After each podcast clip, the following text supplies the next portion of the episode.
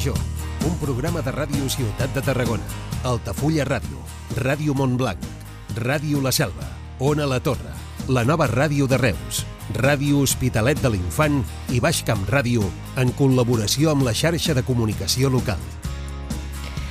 Hola a tothom, bona tarda. Això és Carrer Major i pendents un dia més de com estan anant les negociacions pels pressupostos i l'enrenou que hi ha, o el debat sobre el Hard Rock. Avui el conseller d'Acció Climàtica, David Mar Mascor, ha assegurat que l'informe del seu departament sobre uh, aquest tema, sobre el Hard Rock, estarà llist en poques setmanes.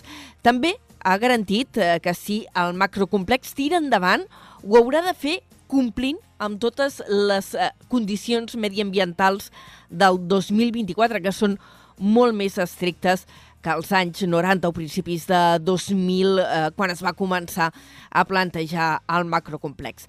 Mentrestant, els, els comuns avui han entrat al registre del Parlament una proposició de llei perquè si s'arriba a fer el macrocasino del Hard Rock hagi de pagar més de la meitat dels seus beneficis en impostos.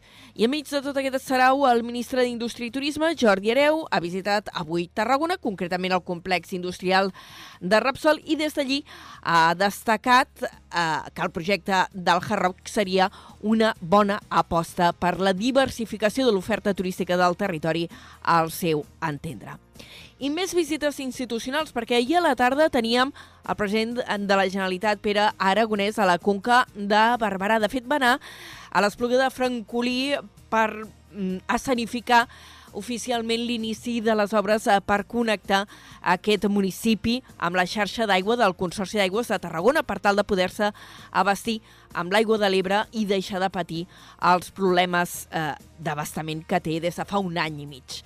Aprofitant aquesta visita, es va reunir amb un grup de pagesos eh, que s'estaven eh, manifestant eh, i van voler traslladar-li personalment les seves inquietuds. Una trobada informal gairebé en paral·lel a la que mantenia el conseller Mascort amb el sector agrari eh, per abordar les problemàtiques del sector. Una reunió que ha portat eh, una sèrie d'acords eh, des del departament diuen que tindran en compte bona part de les reivindicacions del sector i s'han desconvocat la majoria de mobilitzacions i talls de carreteres que des de dimarts es mantenien. Encara en queden alguna. És el cas de l'autovia A2 a Tarragó, on també hi havia alguns representants del Camp de Tarragona. Avui l'Assemblea de Pagesos i Ramaders que estaven concentrats en aquest punt han decidit aixecar el tall demà al migdia. I l'actualitat també passa per l'àmbit judicial. Desseguem dues notícies. D'una banda, la Fiscalia ha decidit recórrer contra la sentència d'Alves per agressió sexual. I és que el Ministeri Públic creu que la indemnització de 150.000 euros que va a eh, pagar l'exjugador del Barça no pot rebaixar tant la pena de presó que se li ha imposat. I d'altra banda, l'Audiència Nacional manté el processament del PDeCAT pel cas 3% marcat, eh, malgrat l'extinció del partit. Els magistrats rebutgen la petició de la formació i diuen que encara pot assumir responsabilitat. I un últim apunt, de l'àmbit polític, d'aquells per fer pensar una mica. El 60% dels catalans desconeixen la data de les eleccions europees i no saben dir el nom de cap institució comunitària. Unes eleccions que arribaran a principis, a finals de primavera, principis... Jo ara tampoc me'n recordo exactament de la data, però sé que és d'aquí molt poc temps i sabria dir algun nom d'algunes institucions, però unes institucions que ens queden lluny. Això és Carrer Major, som les emissores del Camp de Tarragona i us acompanyem tot l'equip que conformem aquest programa. Som l'Iri Rodríguez, l'Aleix Pérez, en David Fernández, la Gemma Bufies, la Cristina Artacho, l'Adrià Racasens, en Jonai González, l'Eduard Virgil, l'Antoni Mellados, Antoni Mateos, jo mateixa, eh, que sóc l'Anna Plaça, i us eh, parlo des d'Ona la Torre, i en David, eh, Dani Sánchez i l'Àlex Roca, que estan al control tècnic. Comencem. Carrer Major, Anna Plaza i Jonai González.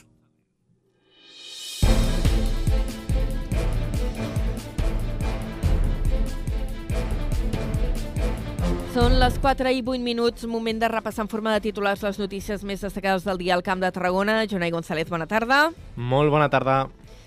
El conseller d'Acció Climàtica, David Mascor, assegura que l'informe del seu departament sobre el Hard Rock estarà llest en poques setmanes. En una entrevista a Catalunya Ràdio, el conseller ha destacat que es tracta d'un document molt complex i per això la tramitació s'ha allargat. Els comuns han dissenyat una llei per garantir que si el Hard Rock arriba a ser una realitat, tingui uns impostos del 50%. De fet, aquest matí els comuns ja han entrat per registrar aquesta iniciativa al Parlament. Del Hard Rock eh, també n'ha parlat aquest matí des de Tarragona el ministre d'Indústria i Turisme, Jordi Areu, que ha defensat el projecte del macrocomplex com una bona opció per diversificar el sector. De fet, el ministre ha destacat la diversificació d'aquesta oferta eh, que hi diu que és un dels grans actius turístics de la Costa Daurada. 14 dels afectats de l'accident de l'atracció Tomahawk de Port Aventura World han presentat una denúncia conjunta aquest dijous al jutjat d'instrucció número 4 de Tarragona. Els afectats han interposat la denúncia per lesions i estan a l'espera de l'atestat dels Mossos d'Esquadra per decidir si l'amplien per altres delictes. Les obres per connectar l'Espluga de Francolí amb la xarxa del Consorci d'Aigües de Tarragona hi han començat. S'espera que estiguin enllestides a mitjans d'agost i les obres tindran un cost d'1,7 milions d'euros. I a Tarragona, l'alcalde Rubén Viñuales aposta per convertir la tabacalera en un districte tecnològic i d'innovació. La plataforma de contractació pública ha publicat aquest anunci de la licitació d'un contracte per l'anàlisi i diagnosi d'aquesta iniciativa.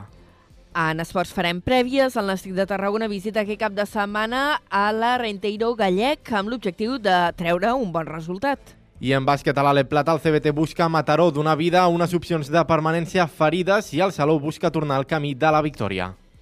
I en cultura destaquem la nova proposta que ens arriba de la mà del Mèdul, Centre d'Arts Contemporànies de Tarragona. Els retrats de 112 animals maltractats s'exposen des d'avui a Casa Canals per denunciar la crueltat de l'acció humana. La mostra rep el nom de Animals i ha estat creada per la fotògrafa i activista Estela de Castro. Serà visitable aquesta exposició fins al dia 7 d'abril. Gràcies, Jonai. D'això i més en parlarem més o menys d'aquí mitja hora. Fins ara. Fins ara, adeu.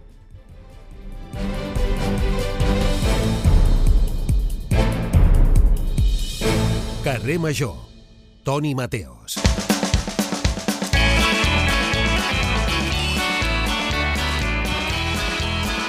Hello? Hello? Hola, aquí Ona La Torre trucant a la selva del camp. Toni Mateos. Què tal? Salutacions des de la selva. Salutacions des de la selva del camp, eh? Com estàs, Anna Plaça? Mm, mira, bé, menys esventada aquí a Torredembarra que a Vilaseca. Quan he sortit de casa al matí, Vilaseca era una mastralada horrorosa. Mm. Aquí, la a selva, Torredembarra molt millor. aquí la selva miro per la finestra i veig que els arbres continuen ballant com tot el matí. Ai, ai, el baix camp, el baix camp, que bufa. Ai, sí. Bufa, Eh? bufa ben fort, també, sí, sí. Hi ha una, com un passadís que s'ajunten vents de mar i vents de muntanya i mira, està tot per, per aquí. Tot, tot, arrimol, tot arremolinat. Ai, no res. Mira, divendres, per fi, Què? Ostres, estic... Mira, no ho sé, cada, cada divendres arribo més arrossegant-me, eh? Bé, però pensa que dissabte i diumenge estaràs tranquil·la. Sí. O la, o la pots liar. Tens teatre Sí. aquest fin de... Tinc teatre. Vaig a la sala Trono a veure l'espectacle Batec que, que estrenen. Una Molt companyia bé, del territori estrena un espectacle musical intergeneracional, no sé, una cosa que té molt bona pinta. I sí, sí, i, i vaig una mica, una mica per plaer, una mica com a programadora teatral també. Sé que avui, avui, si no m'equivoco, teniu un programador també, Eh, a la segona hora del programa. Vinga! Eh, un, de, un de música, l'Isaac l'Isaac Alvesa, I també periodista. Mira, Eh, com jo! Guaita! un, un, un, un cul inquiet, també com tu, l'Isaac Alvesa, Ostres. perquè ens parlarà de la setzena mostra de jazz i blues de Cambrils. Setzena ja, eh? Déu-n'hi-do.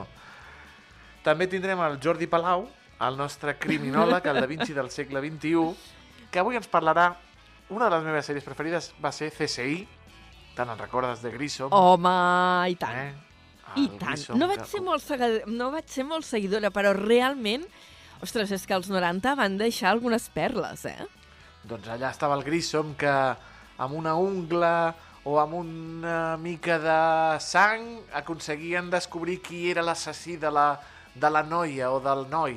Doncs li preguntarem al Jordi si és possible tot això, si quan hi ha de realitat i quan hi ha de mentida en els casos de CSI. Molt bé. Hi ha molta mentida, ja t'ho ja avanço Què perquè dius? n'hi ha molta mentida. Sí? No hi ha els llums aquells ultraviolats això sí, els que llums i el els rastre de la reactius. sang i... Sí. Amb aquells llums i aquells reactius que els llancen pel damunt i es veu la sang al, als llençols i a les parets i tot això. Però... Clar, anava a dir, de- ah, que emocionant, però que aquestes coses només són emocionants si les veus en una pel·li. Suposo que sí, a la vida real, Déu no ho vulgui, t'has de trobar amb un tinglado d'aquests? Ha set tan horrorós? pues alerta a lo que ens explicarà el Jordi perquè ens dirà cosetes molt, molt interessants sobre el món de la criminologia i d'aquest eh, CSI, d'aquests eh, eh, cossos d'investigació criminal.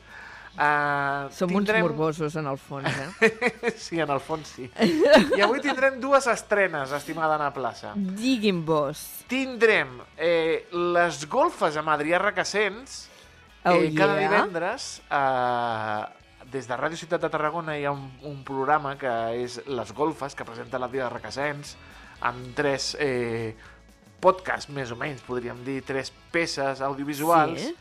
Eh, ens ho presentarà l'Adrià i què hi ha de go les golfes eh, aquesta setmana i així seran tots els divendres. Passarem una estona divertida amb l'Adrià. Amb la l'Adrià Iris- o, o amb algun dels seus personatges Avui meravellosament m'assem- imitats? Avui, avui m'assembla que arriba l'Àngel Juárez. Ja Ai, Dios. Ai, Dios mío. Ai, Dios La mío. setmana passada va fer una escenificació meravellosa de la patrona Santa Tecla Cuidado, reivindicant-se com a Cuidado, patrona perquè- de tots els tarragonins. cuidado perquè parlarem de Santa Tecla també. Molt bé, vinga, va. Molt bé. Eh, tindrem l'agenda del cap de setmana amb la Iris Rodríguez des de Ràdio Hospitalet de l'Infant, que ens posarà al dia de tots els concerts, de tots els... Eh, del teatre, Tinglados diversos que hi ha al cap de setmana, que és un no parar. Mhm. Furgoneta amb la Cristina Artacho, que avui se'n va de tapes a Riudoms, amb les tapes Gaudí, està aprenent molt bé la noia, amb la Sí, regidora sí. de Promoció Econòmica i de Comerç de, de la població de, del Baix Camp, de, de, de Riudoms. Com ens agrada menjar bé, també, eh? És, Hombre. és, fixa't que tots els municipis es promocionen a través de la gastronomia. Com atreure la gent? Doncs que vinguin a dinar o sopar, bàsicament. Diu, diu Carlos Arguiñano, diu Sí? Carlos Arguiñano que menjar és el Sí? millor plaer amb els pantalons posats. ja sense pantalons, ja en parlem d'uns altres. Però amb pantalons posats, el plaer més gran és menjar, segons Carlos Arguiñano, que per mi Soc és un molt gurú. fan, soc molt fan d'aquest senyor, tot s'ha de dir, eh? molt fan de El, l'Arguiñano. el, se- eh, I a més bon actor, eh? Com, com es va demostrar com es va demostrar fa molts anys a Airbag. Hi ha, hi ha Irati, a la pel·lícula Irati, que també surt. Ai, per ah, favor. L'has de trobar, surt amb barba i està una, amb barba espesa, està una mica irreconeixible, però... Doncs allí no però sé sí. si l'he vist, encara me'n recordo molt d'Airbag, però. Hombre, Airbag, prepara Airbag també. diu. No a Quina pel·li més mítica. I tant, i tant. Mare meva. Doncs, eh, Toni Mateus, tot això seran els plats que ens arribaran a partir de les 5 de la tarda a Carrer Major. Molt bé. I jo ara me'n vaig a parlar de pressupostos. Uf, quin plat. Un plat complicat, aquest. No, no estic No? segura que ara sí, perquè parlarem amb una diputada malalta de política i malalta de periodisme. Ah, fantàstic, doncs bona combinació. Sí, senyor. Vinga, doncs. Fins Fins ara. ara. Adéu, Adéu. Parada a Carrer Major.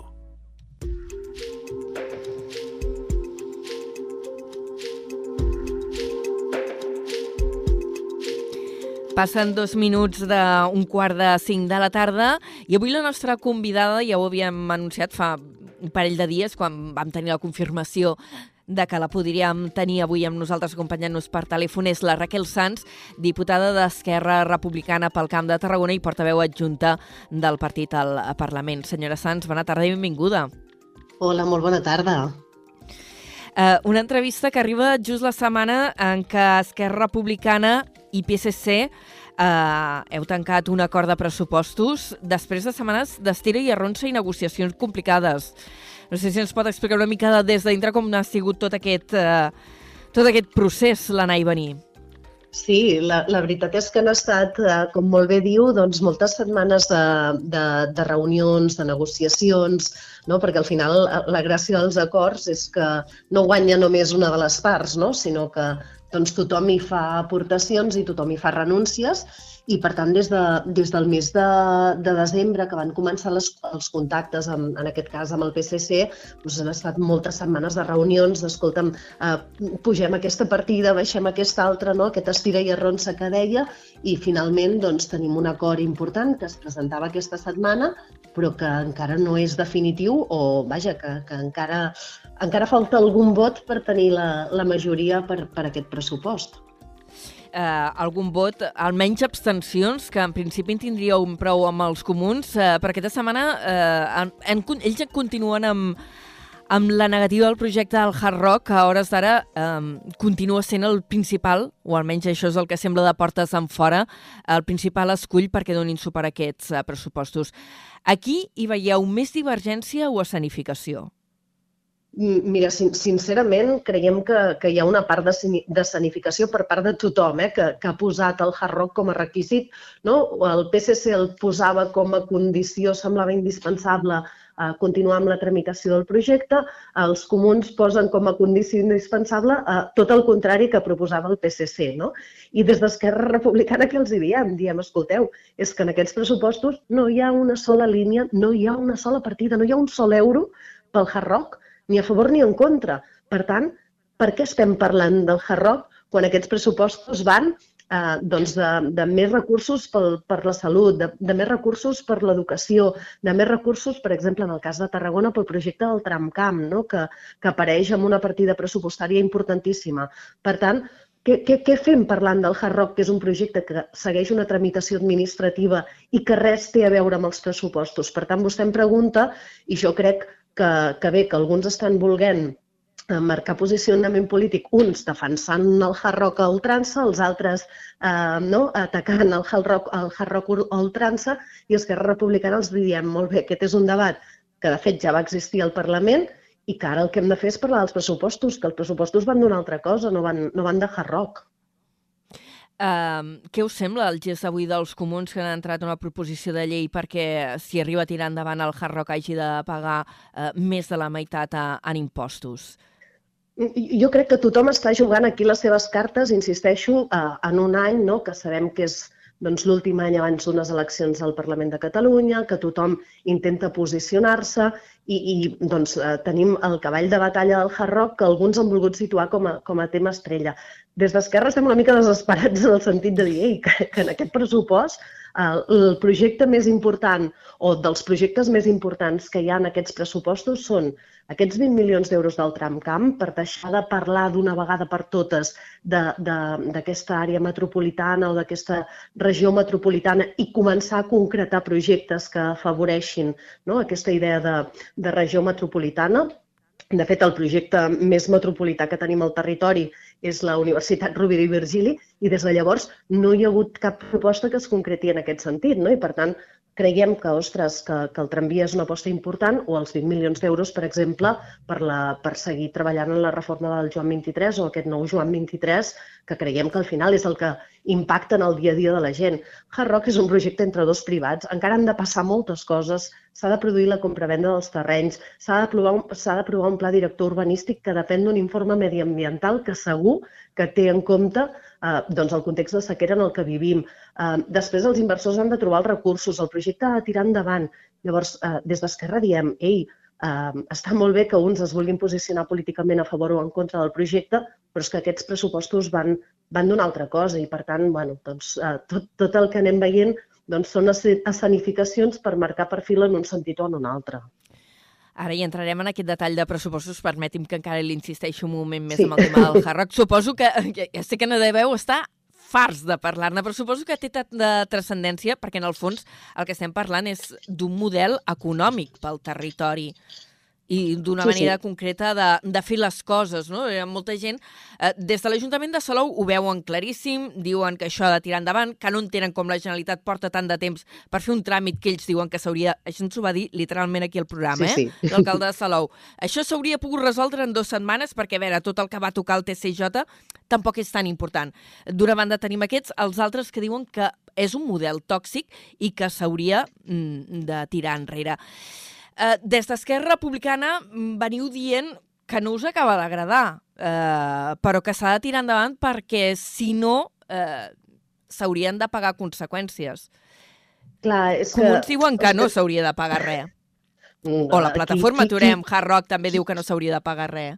Qui ostenta el govern de la Generalitat i, per tant, qui té els serveis jurídics de la Generalitat que assessoren de manera professional en aquest àmbit, eh, lògicament és, és el, el govern no? I, i, evidentment, doncs, amb la concessió de llicències hi ha una sèrie de, de requisits i una sèrie de, de, de qüestions que segur, segur, segur es portarien per la via judicial per part de, no, en aquest cas, de Hard Rock. Per tant, eh, evidentment que hi ha unes conseqüències eh, d'indemnitzacions.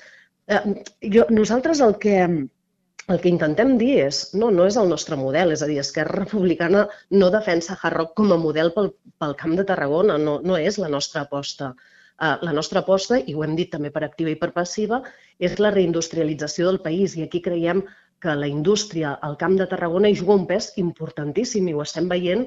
Estan arribant inversions com, per exemple, la de Ilgin a Montroig del Camp, que és la inversió privada més gran que hi ha hagut a Catalunya en els últims 20 anys. Per tant, apostem no, per la reindustrialització del país i també per una aposta d'un model turístic que entenem que ha de ser més sostenible i que no es pot basar tant en la quantitat, sinó que ha d'apostar més per la qualitat. No? I nosaltres creiem que tenim un turisme ric, un turisme divers, que ha de mirar també cap a l'interior de les comarques del Camp de Tarragona, que no es pot quedar només amb aquest turisme de sol i platja i, per tant, cal un replantejament d'un turisme que ens aporti més qualitat que no pas quantitat. No? I, per tant, aquesta és la nostra aposta. Però també som realistes i el que no pot passar és que quan hi hagi projectes en tràmit, en funció del govern que entri, um, no, les coses vagin en vano enrere. Massa ho hem patit a, a Tarragona durant, durant molts anys. Llavors, és un projecte que, insistim, és un projecte entre dos privats i que té un suport majoritari al Parlament de Catalunya. Jo voldria recordar a la CUP i als Comuns que la CUP, Comuns i Esquerra no sumem al Parlament de Catalunya i la resta de formacions polítiques defensen el projecte de Hard Rock. Per tant, malgrat que no és el nostre projecte, existeix una majoria parlamentària mm, que democràticament aposta per un projecte que ja es va decidir en el seu moment que s'havia de tramitar i el PDU que hi ha actualment en marxa és fruit d'una sentència judicial que va anul·lar l'anterior. Per tant, eh, no podem anar en va ni enrere perquè un cop es dona la paraula, un cop no, s'inicia una tramitació eh, i sobretot si aquesta tramitació té una majoria parlamentària, doncs el que s'ha de fer és tramitar. Ara, crec que també hem de ser honestos i dir, no, mira, no és el nostre model i no és el nostre projecte. I si tinguéssim majoria suficient perquè això no es fes, doncs segurament eh, apostaríem per una altra qüestió, però és que no la tenim. Uh, entrem en el detall de pressupostos, senyora Sanz, després de- d'aquest primer apartat dedicat al Hard Rock, perquè, clar, com que ha anat eh, protagonitzant el debat, també Sí. teníem ganes de sentir la, la seva opinió de, de primera mà. Uh, estem parlant, uh, pel que fa al nostre territori, d'una inversió prevista de 125 milions d'euros, Mhm. incloent el romanent de la incorporació del romanent de l'any passat, el que representa un increment uh, del 12% més. Esquerra Republicana i el PSC, de fet, els dos partits ahir per separat, eh, uh, vau fer rodes de premsa mostrant satisfacció sí. eh, pel que fa a aquests números pel Camp de Tarragona. Per què considereu que, que són positius? Són positius perquè la, la, la consellera Natàlia Masquís, la, la consellera d'Economia, ho, ho explica, crec que de manera molt pedagògica i, i molt clara. No? Um, aquests segurament seran els darrers pressupostos tan expansius del govern de la Generalitat, com a mínim en els propers anys, perquè són uns pressupostos que ens centrem, no? aquest, aquest increment del 12% al Camp de Tarragona és un increment en inversió real, eh? és, in, és un increment en la partida, com si diguéssim, de, de, del totxo, per, per entendre'ns, eh? però hi ha un creixement d'aquests pressupostos eh, en totes les àrees, també, per exemple, en els serveis públics, en matèria d'educació, en matèria de salut, en matèria de drets socials, és a dir, hi haurà més metges, hi haurà més infermeres, hi haurà més mestres, eh, baixaran les ràtios a les escoles, no? perquè doncs, eh, hi ha una part important del creixement d'aquest pressupost, dels 2.400 milions d'euros en què creix el pressupost de la Generalitat, que es destinen als, als serveis públics o al reforçament, a l'enfortiment d'aquests serveis públics. Llavors, um, ara eh, hi ha aquest increment del, de 2.400 milions d'euros que implica un creixement total del pressupost de la Generalitat d'un 6,3%. Tornen, eh, per part d'Europa, les regles fiscals que limitaran el creixement dels pressupostos en anys futurs i que, per tant, tornaran a situar els creixements del pressupost en un 3, 3,5, 4% màxim, que és el creixement de mitjana que havien tingut els pressupostos anteriors. Venim de dos anys d'un creixement expansiu. L'any passat van créixer un 11%, aquest any podrien créixer aquest 6,3%. Eh, per tant, són més recursos que mai, eh, que en aquest cas doncs, Esquerra Republicana, en aquest acord amb el PSC, volem situar sobretot per l'enfortiment del, sector, de, de, de, del sector públic, no? de, de tot el sector públic. Llavors, sí que ens fixem en aquesta part de les inversions reals, que és no? Jo quan exercia de periodista sempre anava a buscar el capítol d'inversions reals a veure el Camp de Tarragona sí. en quants milions es concreta, vull dir que allò, anaves a buscar les partides, però realment um, uh, també hem de mirar, doncs, per exemple, com que és el contracte programa uh, en l'àmbit dels drets socials, que al final això es millora dels salaris de les treballadores de les residències, no? que n'hem parlat molt durant la pandèmia, però que això es concreta amb recursos, o, per exemple, la llei de la dependència, que l'any passat es va disminuir la llista d'espera en 2.000 persones, la creació de més places públiques de residències, no? que són, al final són aquelles coses que afecten el dia a dia de la gent i que, que escolta, quan truques al CAP, en lloc de quatre dies, que t'atenguin en tres. Estem, per exemple, en mínims històrics pel que fa a les llistes d'espera en operacions. Mai havien estat mai havien sigut tan curts els temps d'espera, no? Doncs creiem que hem d'aprofitar aquesta capacitat eh, que ens donen eh, les actuals regles fiscals i, per tant, aquesta capacitat de créixer eh, per, per posar tots aquests recursos a, a, a favor dels serveis públics. I parlant de serveis públics, eh, permeti que li tregui una, un, una qüestió que ha sortit les, les últimes hores. El, el sindicat eh, CGT denuncia el tancament de línies eh, escolars eh, sí. aquí al Camp de Tarragona. Eh, sí. En els pressupostos destaca un increment de 14,5 milions d'euros en educació aquí eh, al nostre territori. Eh, com, com es casa una cosa amb l'altra? Doncs miri, eh, només cal que, que agafem l'IDESCAT i mirem la piràmide poblacional que tenim no al Camp de Tarragona, sinó al país, no? i ens n'adonem doncs, que és una piràmide totalment invertida i que, per tant, eh, doncs, tenim menys alumnes que mai. Eh, això, per una banda, juntament amb un mandat del Parlament de Catalunya de l'any 2021, que és el Pacte contra la Segregació Escolar. I és un pacte que el que fa és que hi hagi d'haver un repartiment de l'alumnat vulnerable o fomentar el repartiment de l'alumnat vulnerable per tal de que no hi hagi determinades escoles que assumeixin no, tota aquesta vulnerabilitat. I, per tant, eh, amb aquesta piràmide invertida que, que tenim a nivell poblacional, no hi ha més nens, eh, és a dir, no, no hi són, juntament amb el fet de que necessiti repartir l'alumnat vulnerable, eh, el que es fan és pactes amb la comunitat educativa per veure quines línies s'han de tancar. I això es fa fruit d'un acord eh, doncs, on intervenen els ajuntaments, intervé el Departament d'Educació, intervenen les AFES, intervenen les direccions dels centres, perquè és evident que si no hi ha nens eh, hi ha algunes línies que, que s'han de tancar i s'ha de fer sempre amb aquesta mirada de lluita contra la segregació escolar, però, però és evident que la piràmide invertida doncs, el que fa és que haguem de tancar algunes línies d'escoles, de, de, mentre que el que hem de fer és generar places de residències i això al final és ajustar-te també a la realitat demogràfica que tenim en aquest país. L'altre dia ens acompanyava aquí al programa el portaveu d'Austec i es queixava, eh, en paraules seves, eh, que mentre hi havia aquest tancament de línies a la pública, no se'n tancaven a la concertada. Bueno, és el, el, el tancament de les línies el, es fa d'acord amb la comunitat educativa i es prenen les decisions per evitar eh, no, aquesta segregació escolar. Per tant, eh, no és una decisió que prengui el Departament d'Educació, sinó que és una, una una decisió, són, decisions que es, es consensuen amb tota la comunitat educativa. Per tant, um, si es pren la decisió de tancar una línia o no tancar-la una altra, jo, jo desconec el detall, eh, perquè no formo part, sí, en sí. aquest cas, de... Però, però, però el que sí que li voldria dir... Però sé, és sé que la per, problemàtica perquè... és com és general, no? I aquestes Exacte. qüestions suposo que tard o d'hora en deveu parlar també al Parlament. Bueno, no, no en deveu parlar, sí, en parleu. Sí. En parlem, en parlem. Sí, no, i mira, justament ahir eh, coincidia amb el, amb el director dels serveis territorials d'educació eh, no? i m'explicava, per exemple, del conflicte amb la bitxeta no? a, a Reus. Sí, i, i, a Reus, també n'hem parlat d'aquest programa. Exacte, i m'explicava sí. aquesta situació, li preguntava i, i explicava això, no? que és una, és una decisió consensuada i deies que Uh, S'ha de prendre una decisió, no podem tancar determinades línies perquè si no s'afavoreix la segregació escolar i és una decisió que consensua, com si diguéssim, uh, no, tota, la, tota la comunitat. No és una decisió unilateral que pren algú des d'un despatx, sinó que es tenen en compte totes aquestes variables. Anem a parlar d'un altre dels eh, projectes que vostè també ha esmentat abans, que és el del tramvia, el del tramcamp. -huh. uh, ja no ho sé, el tren-tram, li hem donat jo, tants jo crec, noms al llarg dels anys. Actu crec que l'actual és tramvia del Camp de Tarragona, crec, perquè no diria, sé. diria, diria, diria, diria que m'equivoco cada vegada que el dic. Però, jo però també. bueno, jo... tram, tramcamp, tramvia del camp... El tramvia, el projecte del tramvia, 19 milions entre contemplats entre els pressupostos d'enguany. Eh, teòricament ara s'està acabant de redactar el, el projecte constructiu i la previsió és d'enguany començar a comprar ja també maquinària, convois, etc per, per anar avançant en la implementació d'aquest servei mm, que està sobre la taula des de fa potser 20 anys.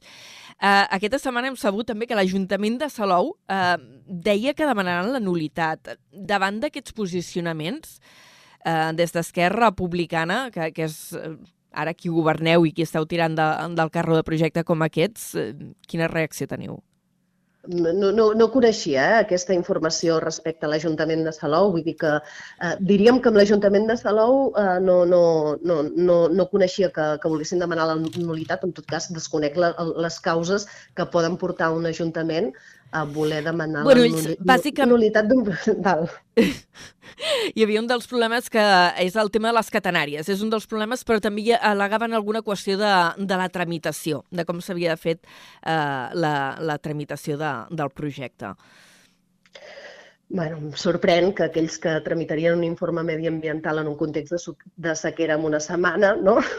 eh, doncs ara eh, es queixin del transport públic eh, del Camp de Tarragona, d'un transport públic i sostenible, que el que ha de fer és eh, cosir o recosir al nostre territori, garantir la mobilitat, que és la mobilitat que és majoritària en el nostre territori. Moltes vegades estem enfocats i preocupats amb la mobilitat en Barcelona, però la major part de la mobilitat al nostre territori es dona en el si de l'àrea metropolitana i, per tant, com a responsables públics el que tenim és l'obligació de donar resposta a aquesta necessitat, a aquesta necessitat que, com bé deia, ve de fa 20 anys i que, per tant, eh, no entendríem que hi hagués algú que s'oposés a, a, a aquesta demanda històrica que hi ha al nostre territori.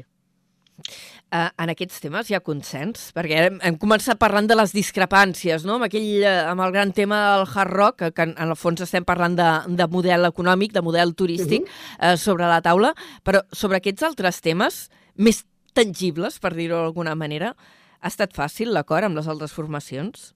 Bueno, de moment l'únic acord és amb el PSC, que curiosament governa Salou, per tant, sí. costa, costa, costa, costa d'entendre una mica tot plegat, però, però evidentment que el tramcamp jo crec que, que ens uneix pràcticament a, tot, a tots i a totes. No? És una demanda, com vostè deia, que, fa, que ve de lluny, que ve de fa molt de temps i, per tant, crec que és un projecte que té poca oposició o poca discrepància interna. No? El hard rock sí que és una qüestió de model, ha la qüestió de la ludopatia, no? hi ha una sèrie de... És a dir, té una sèrie d'externalitats negatives doncs, que sí que pot portar associat, però en el cas del, del transport públic sostenible pel Camp de Tarragona és difícil que algú s'hi pugui oposar. Per tant, ha estat, en aquest sentit ha estat fàcil amb el PSC i entenem que també hauria de ser un punt d'acord i de trobada, sobretot amb els comuns. Mm. Um, a nivell de territori, uh, abans vostè esmentava el cas d'Ilgin, l'empresa uh, Lotte Energy Materials antigament Ilgin, que, que s'implantarà a Montroig del Camp com un dels eh, projectes d'industrialització importants pendents aquí al territori, que també han sortit ja algunes veus crítiques. A, a la comarca de, de la Conca, el que tenim sobre la taula i també apareix als pressupostos és el Logis Montblanc i està en marxa. Sí. Sí, exacte, són 9 milions i mig d'euros previstos per al Logis Montblanc i, i per tant són inversions eh, no, importants al territori. També per exemple, no he dit els recursos que hi ha previstos per Idiada, no? que és un centre que tenim eh, també al Baix Penedès i que també mm. doncs, eh, no? eh, és un centre on hi ha recerca, on hi ha innovació i, per tant, també és un, és un centre és un centre molt important i el que deia de, de les veus contràries, és a dir, sempre hi ha veus contràries a tot, no? Quan, quan hi ha algun canvi, quan hi ha alguna, no? quan hi ha la implantació del que sigui, sempre hi ha veus contràries i el que cal és trobar l'equilibri entre, entre tot plegat, no? però entendre que és la principal inversió que arriba a Catalunya en els, en els darrers 20 anys, que estem parlant de llocs de treball qualificats i que estem parlant al final d'oportunitats de futur per la gent de, del nostre territori.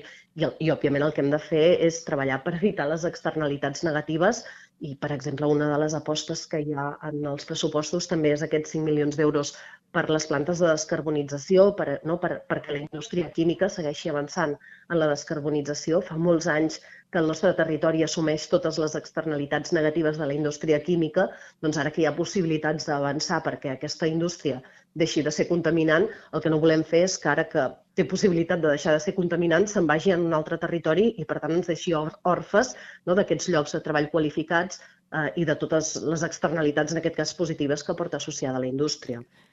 No sé si com a grup parlamentari heu tingut eh, possibilitat de, de tenir contactes o, o us han demanat contactes a aquest grup de veïns de, de Montroig eh, que, que han manifestat inquietud eh, pel projecte de, de l'OTE eh, perquè, segons ells, és una empresa eh, que seria equiparable a la química i això els genera inquietud. Hem tingut algun contracte eh, com a, com a grup parlamentari? És, és probable que sí i no, no voldria equivocar-me perquè una de les diputades d'Esquerra Republicana al Parlament és també regidora a Montroig del Camp, que és la companya Irene Aragonès, i per tant mm. eh, no, no, no voldria equivocar-me, eh, però jo crec que ella segur que ha estat en contacte amb ells eh, i per tant és, segura, és segurament la, la nostra veu, no? perquè ens hem de repartir la feina una mica eh, i, i ella és la responsable de la, de la comarca del Baix Camp i a més a més sent regidora a Montroig, doncs segur que ha tingut l'oportunitat de, de poder-ne parlar amb ells. Uh, senyora Sanz, una darrera pregunta. Un altre dels projectes pendents de fa dècades uh, aquí al territori és el de la ciutat de justícia. Uh, veiem que apareixen les inversions uh, plurianuals, és a dir, sí. uh, fins al 2027. No sé si enguany ja veurem alguna cosa de ciutat de justícia.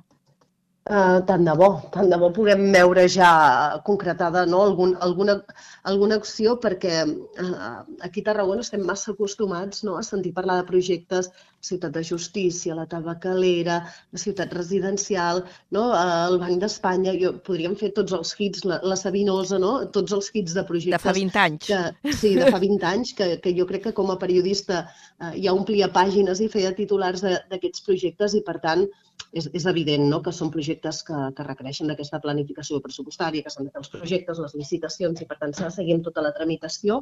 El que és important és que estiguin recollits en els pressupostos i mirin, si em permet, no em mullaré de si veurem alguna cosa o no.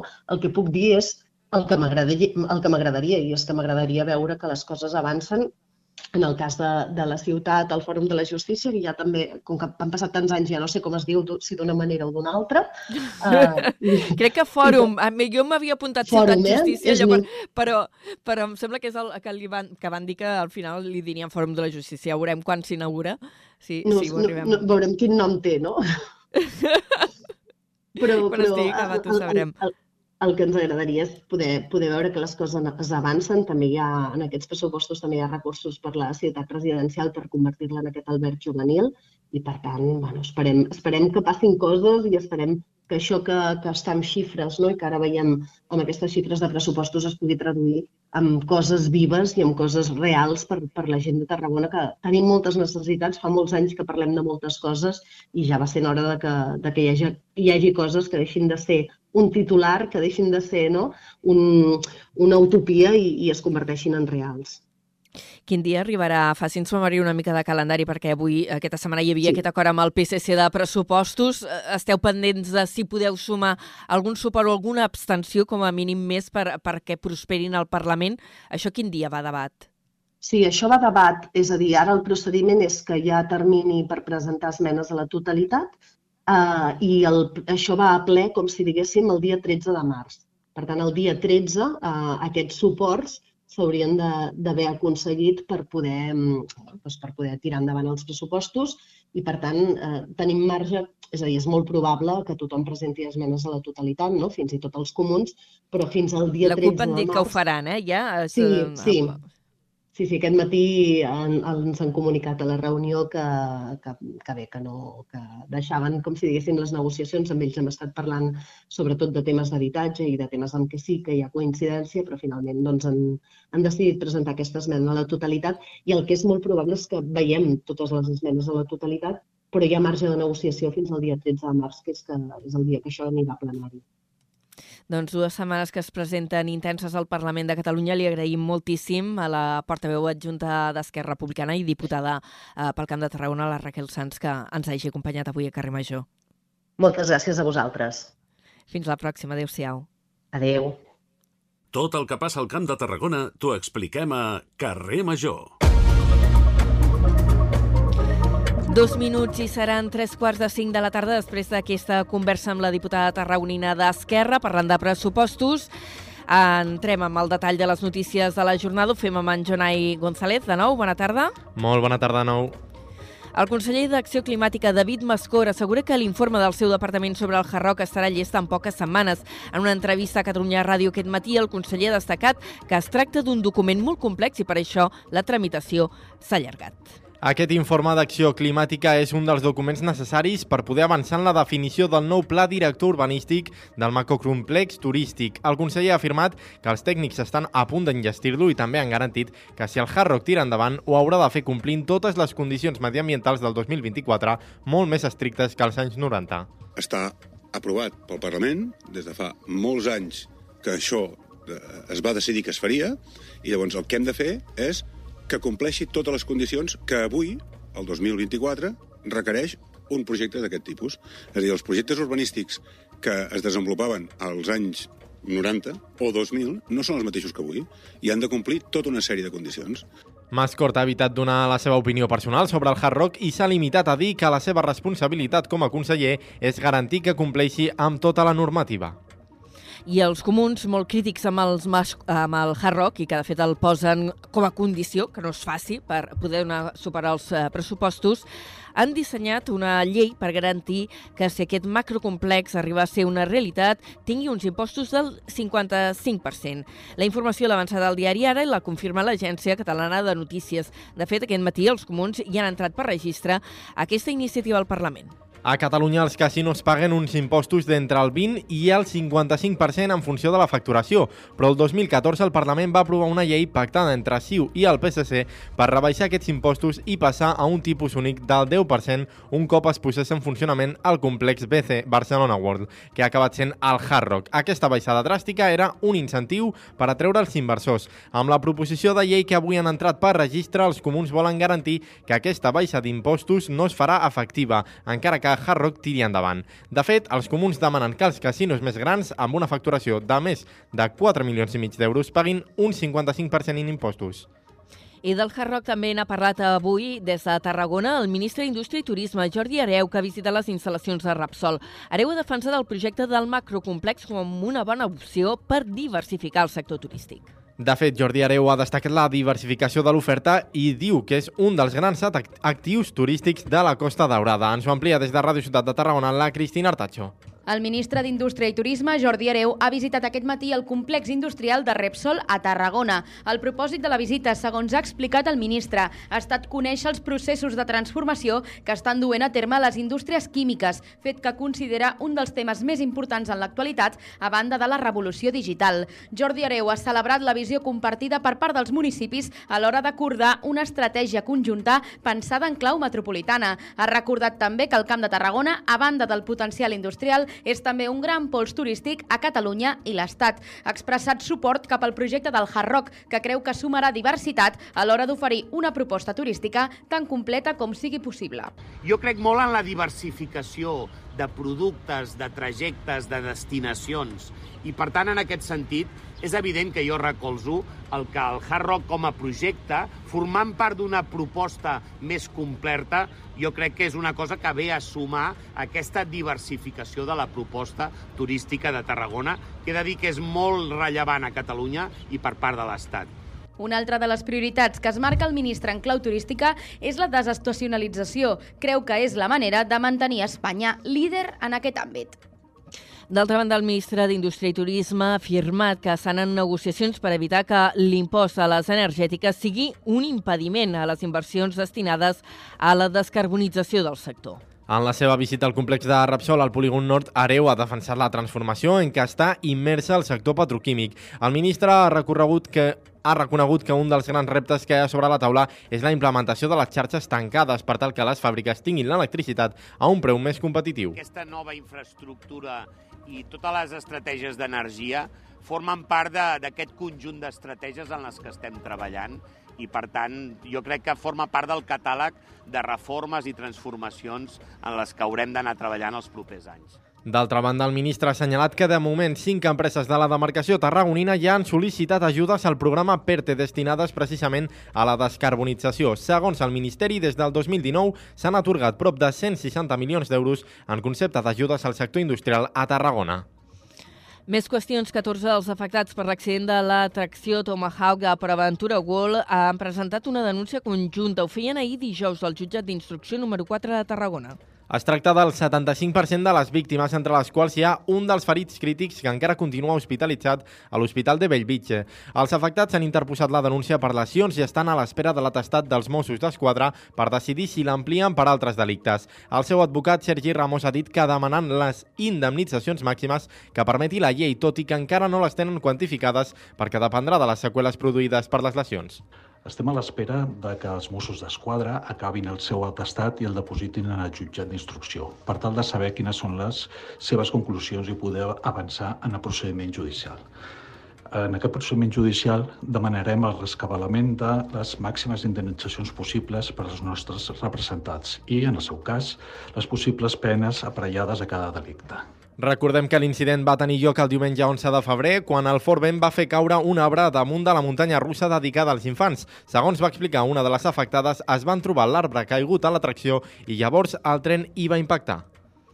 I parlem d'inversions. A l'aeroport de Reus, AENA construirà dues plantes fotovoltaiques. A l'aeroport de Reus també el de Barcelona amb una inversió de gairebé 33 milions d'euros. El contracte ja s'ha adjudicat i inclou la redacció del projecte, l'execució de l'obra i la posada en marxa i manteniment durant un any. El termini total és d'uns 36 mesos i segons la informació d'AENA s'ha tingut en compte la disponibilitat de terrenys per garantir al màxim l'aprofitament de l'energia del sol. També han informat que la instal·lació de Reus serà la que tingui més capacitat i conjuntament produiran l'energia equivalent a la que necessiten 13.000 llars.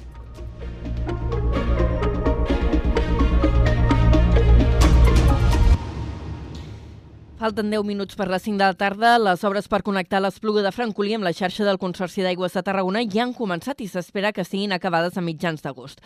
El president de la Generalitat, Pere Aragonès, va visitar ahir a la tarda el municipi en un acte per escenificar l'inici d'aquests treballs. Aquestes obres costaran 1,7 milions d'euros i l'Agència Catalana de l'Aigua en finançarà una bona part, 1,2 milions. El mig milió restant el pagaran entre l'Ajuntament i la Diputació. La nova canonada arribarà fins a Montblanc i connectarà amb la xarxa del Consorci d'Aigües que porta l'aigua del mini transvasament de l'Ebre fins a la Conca. Pere Aragonès va destacar que aquesta intervenció permetrà resoldre els problemes de subministrament d'aigua que l'Espluga arrossega des de fa ben bé un any i mig.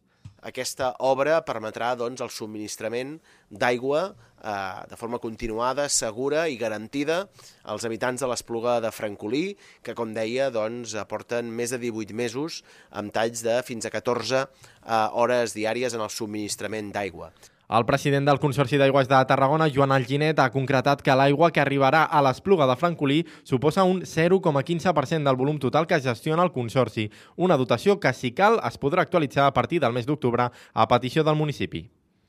I eh, aquests dies que hem estat tan pendents de les propostes dels pagesos, doncs, eh, parlant d'activitat primària, la cooperativa Coselva es funciona amb la secció de crèdit de Vilaplana. Amb aquest acord, la cooperativa selvatana suma fins a 2.500 socis i segueix enfortint el sector cooperatiu del sud de Catalunya. Ho explica des de Ràdio La Selva l'Antonio Mellado. Les cooperatives Coselva, la Selva del Camp i la secció de crèdit de Vilaplana han aprovat la seva fusió en les respectives assemblees extraordinàries de socis celebrades el passat 27 de febrer. L'acord, que arriba després de diversos anys de converses entre amb dues entitats, permetrà enfortir el sector cooperatiu del sud de Catalunya i seguir garantint la continuïtat de l'activitat agrària cooperativitzada i la prestació de serveis als petits municipis del Baix Camp. Efectes pràctics, la cooperativa resultant d'aquesta aliança, que es farà efectiva a partir del pròxim 1 d'abril, mantindrà el nom de Coselva i agruparà a prop de 2.500 socis. Així ho valora Pere Ferrer, director gerent de la cooperativa salvatana. Ja fa anys que estem treballant conjuntament amb Vilaplana i doncs, les seves necessitats, eh, principalment pels volums de, de producte i de la secció de crèdit, doncs els hi feia eh, necessari fusionar-se amb una altra organització més potent. La societat serà l'encarregada de desenvolupar les funcions d'elaboració i comercialització de les tres marques d'oli que a partir d'ara formaran part de la seva família, l'Antara, l'oli soldó de Vilaplana i Castellcop 1904, fruit de la fusió que es va dur a terme ara fa dos anys amb la cooperativa de Castellvell del Camp. A Tarragona Ciutat, l'alcalde Rubén Viñuales vol convertir la tabacalera en un, en un districte tecnològic i d'innovació. La plataforma de contractació pública ha publicat l'anunci de la licitació d'un contracte per l'anàlisi i diagnosi amb una proposta del que seria aquest districte tecnològic i d'innovació d'aquest espai. Aquest hub tecnològic ajudaria a la proposta marcada al Pla d'Ordenació Urbanística Municipal que busca fer de l'entorn del Francolí un nou epicentre a la ciutat. La proposta arriba justament quan l'antiga fàbrica se situa al centre de tots els projectes i es veu potenciada amb la possible arribada de la Biblioteca Provincial al Centre d'Estudis Universitaris vinculats a l'esport o també la possibilitat de l'aterratge de l'Escola d'Art i Disseny. I a Reus, l'empresa d'aigües ha hagut de desembussar diferents canonades de la ciutat que estaven obstruïdes. L'Ajuntament explica que s'han embussat principalment a causa de les tovalloletes humides que es llencen al vàter.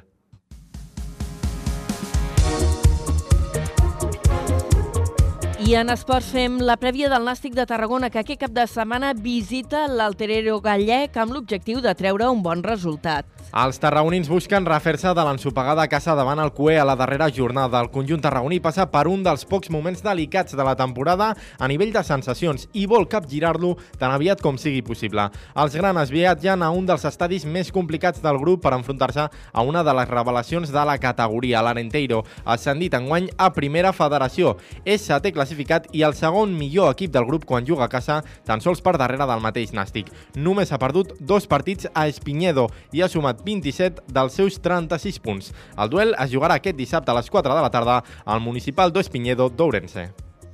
I per la seva banda, el Club Bàsquet Tarragona busca a Mataró donar vida en unes opcions de permanència que han quedat ferides. A més, els blaus comptaran amb dos nous reforços que van arribar ahir a la ciutat, AJ Pritchwaite i Jamal Jones.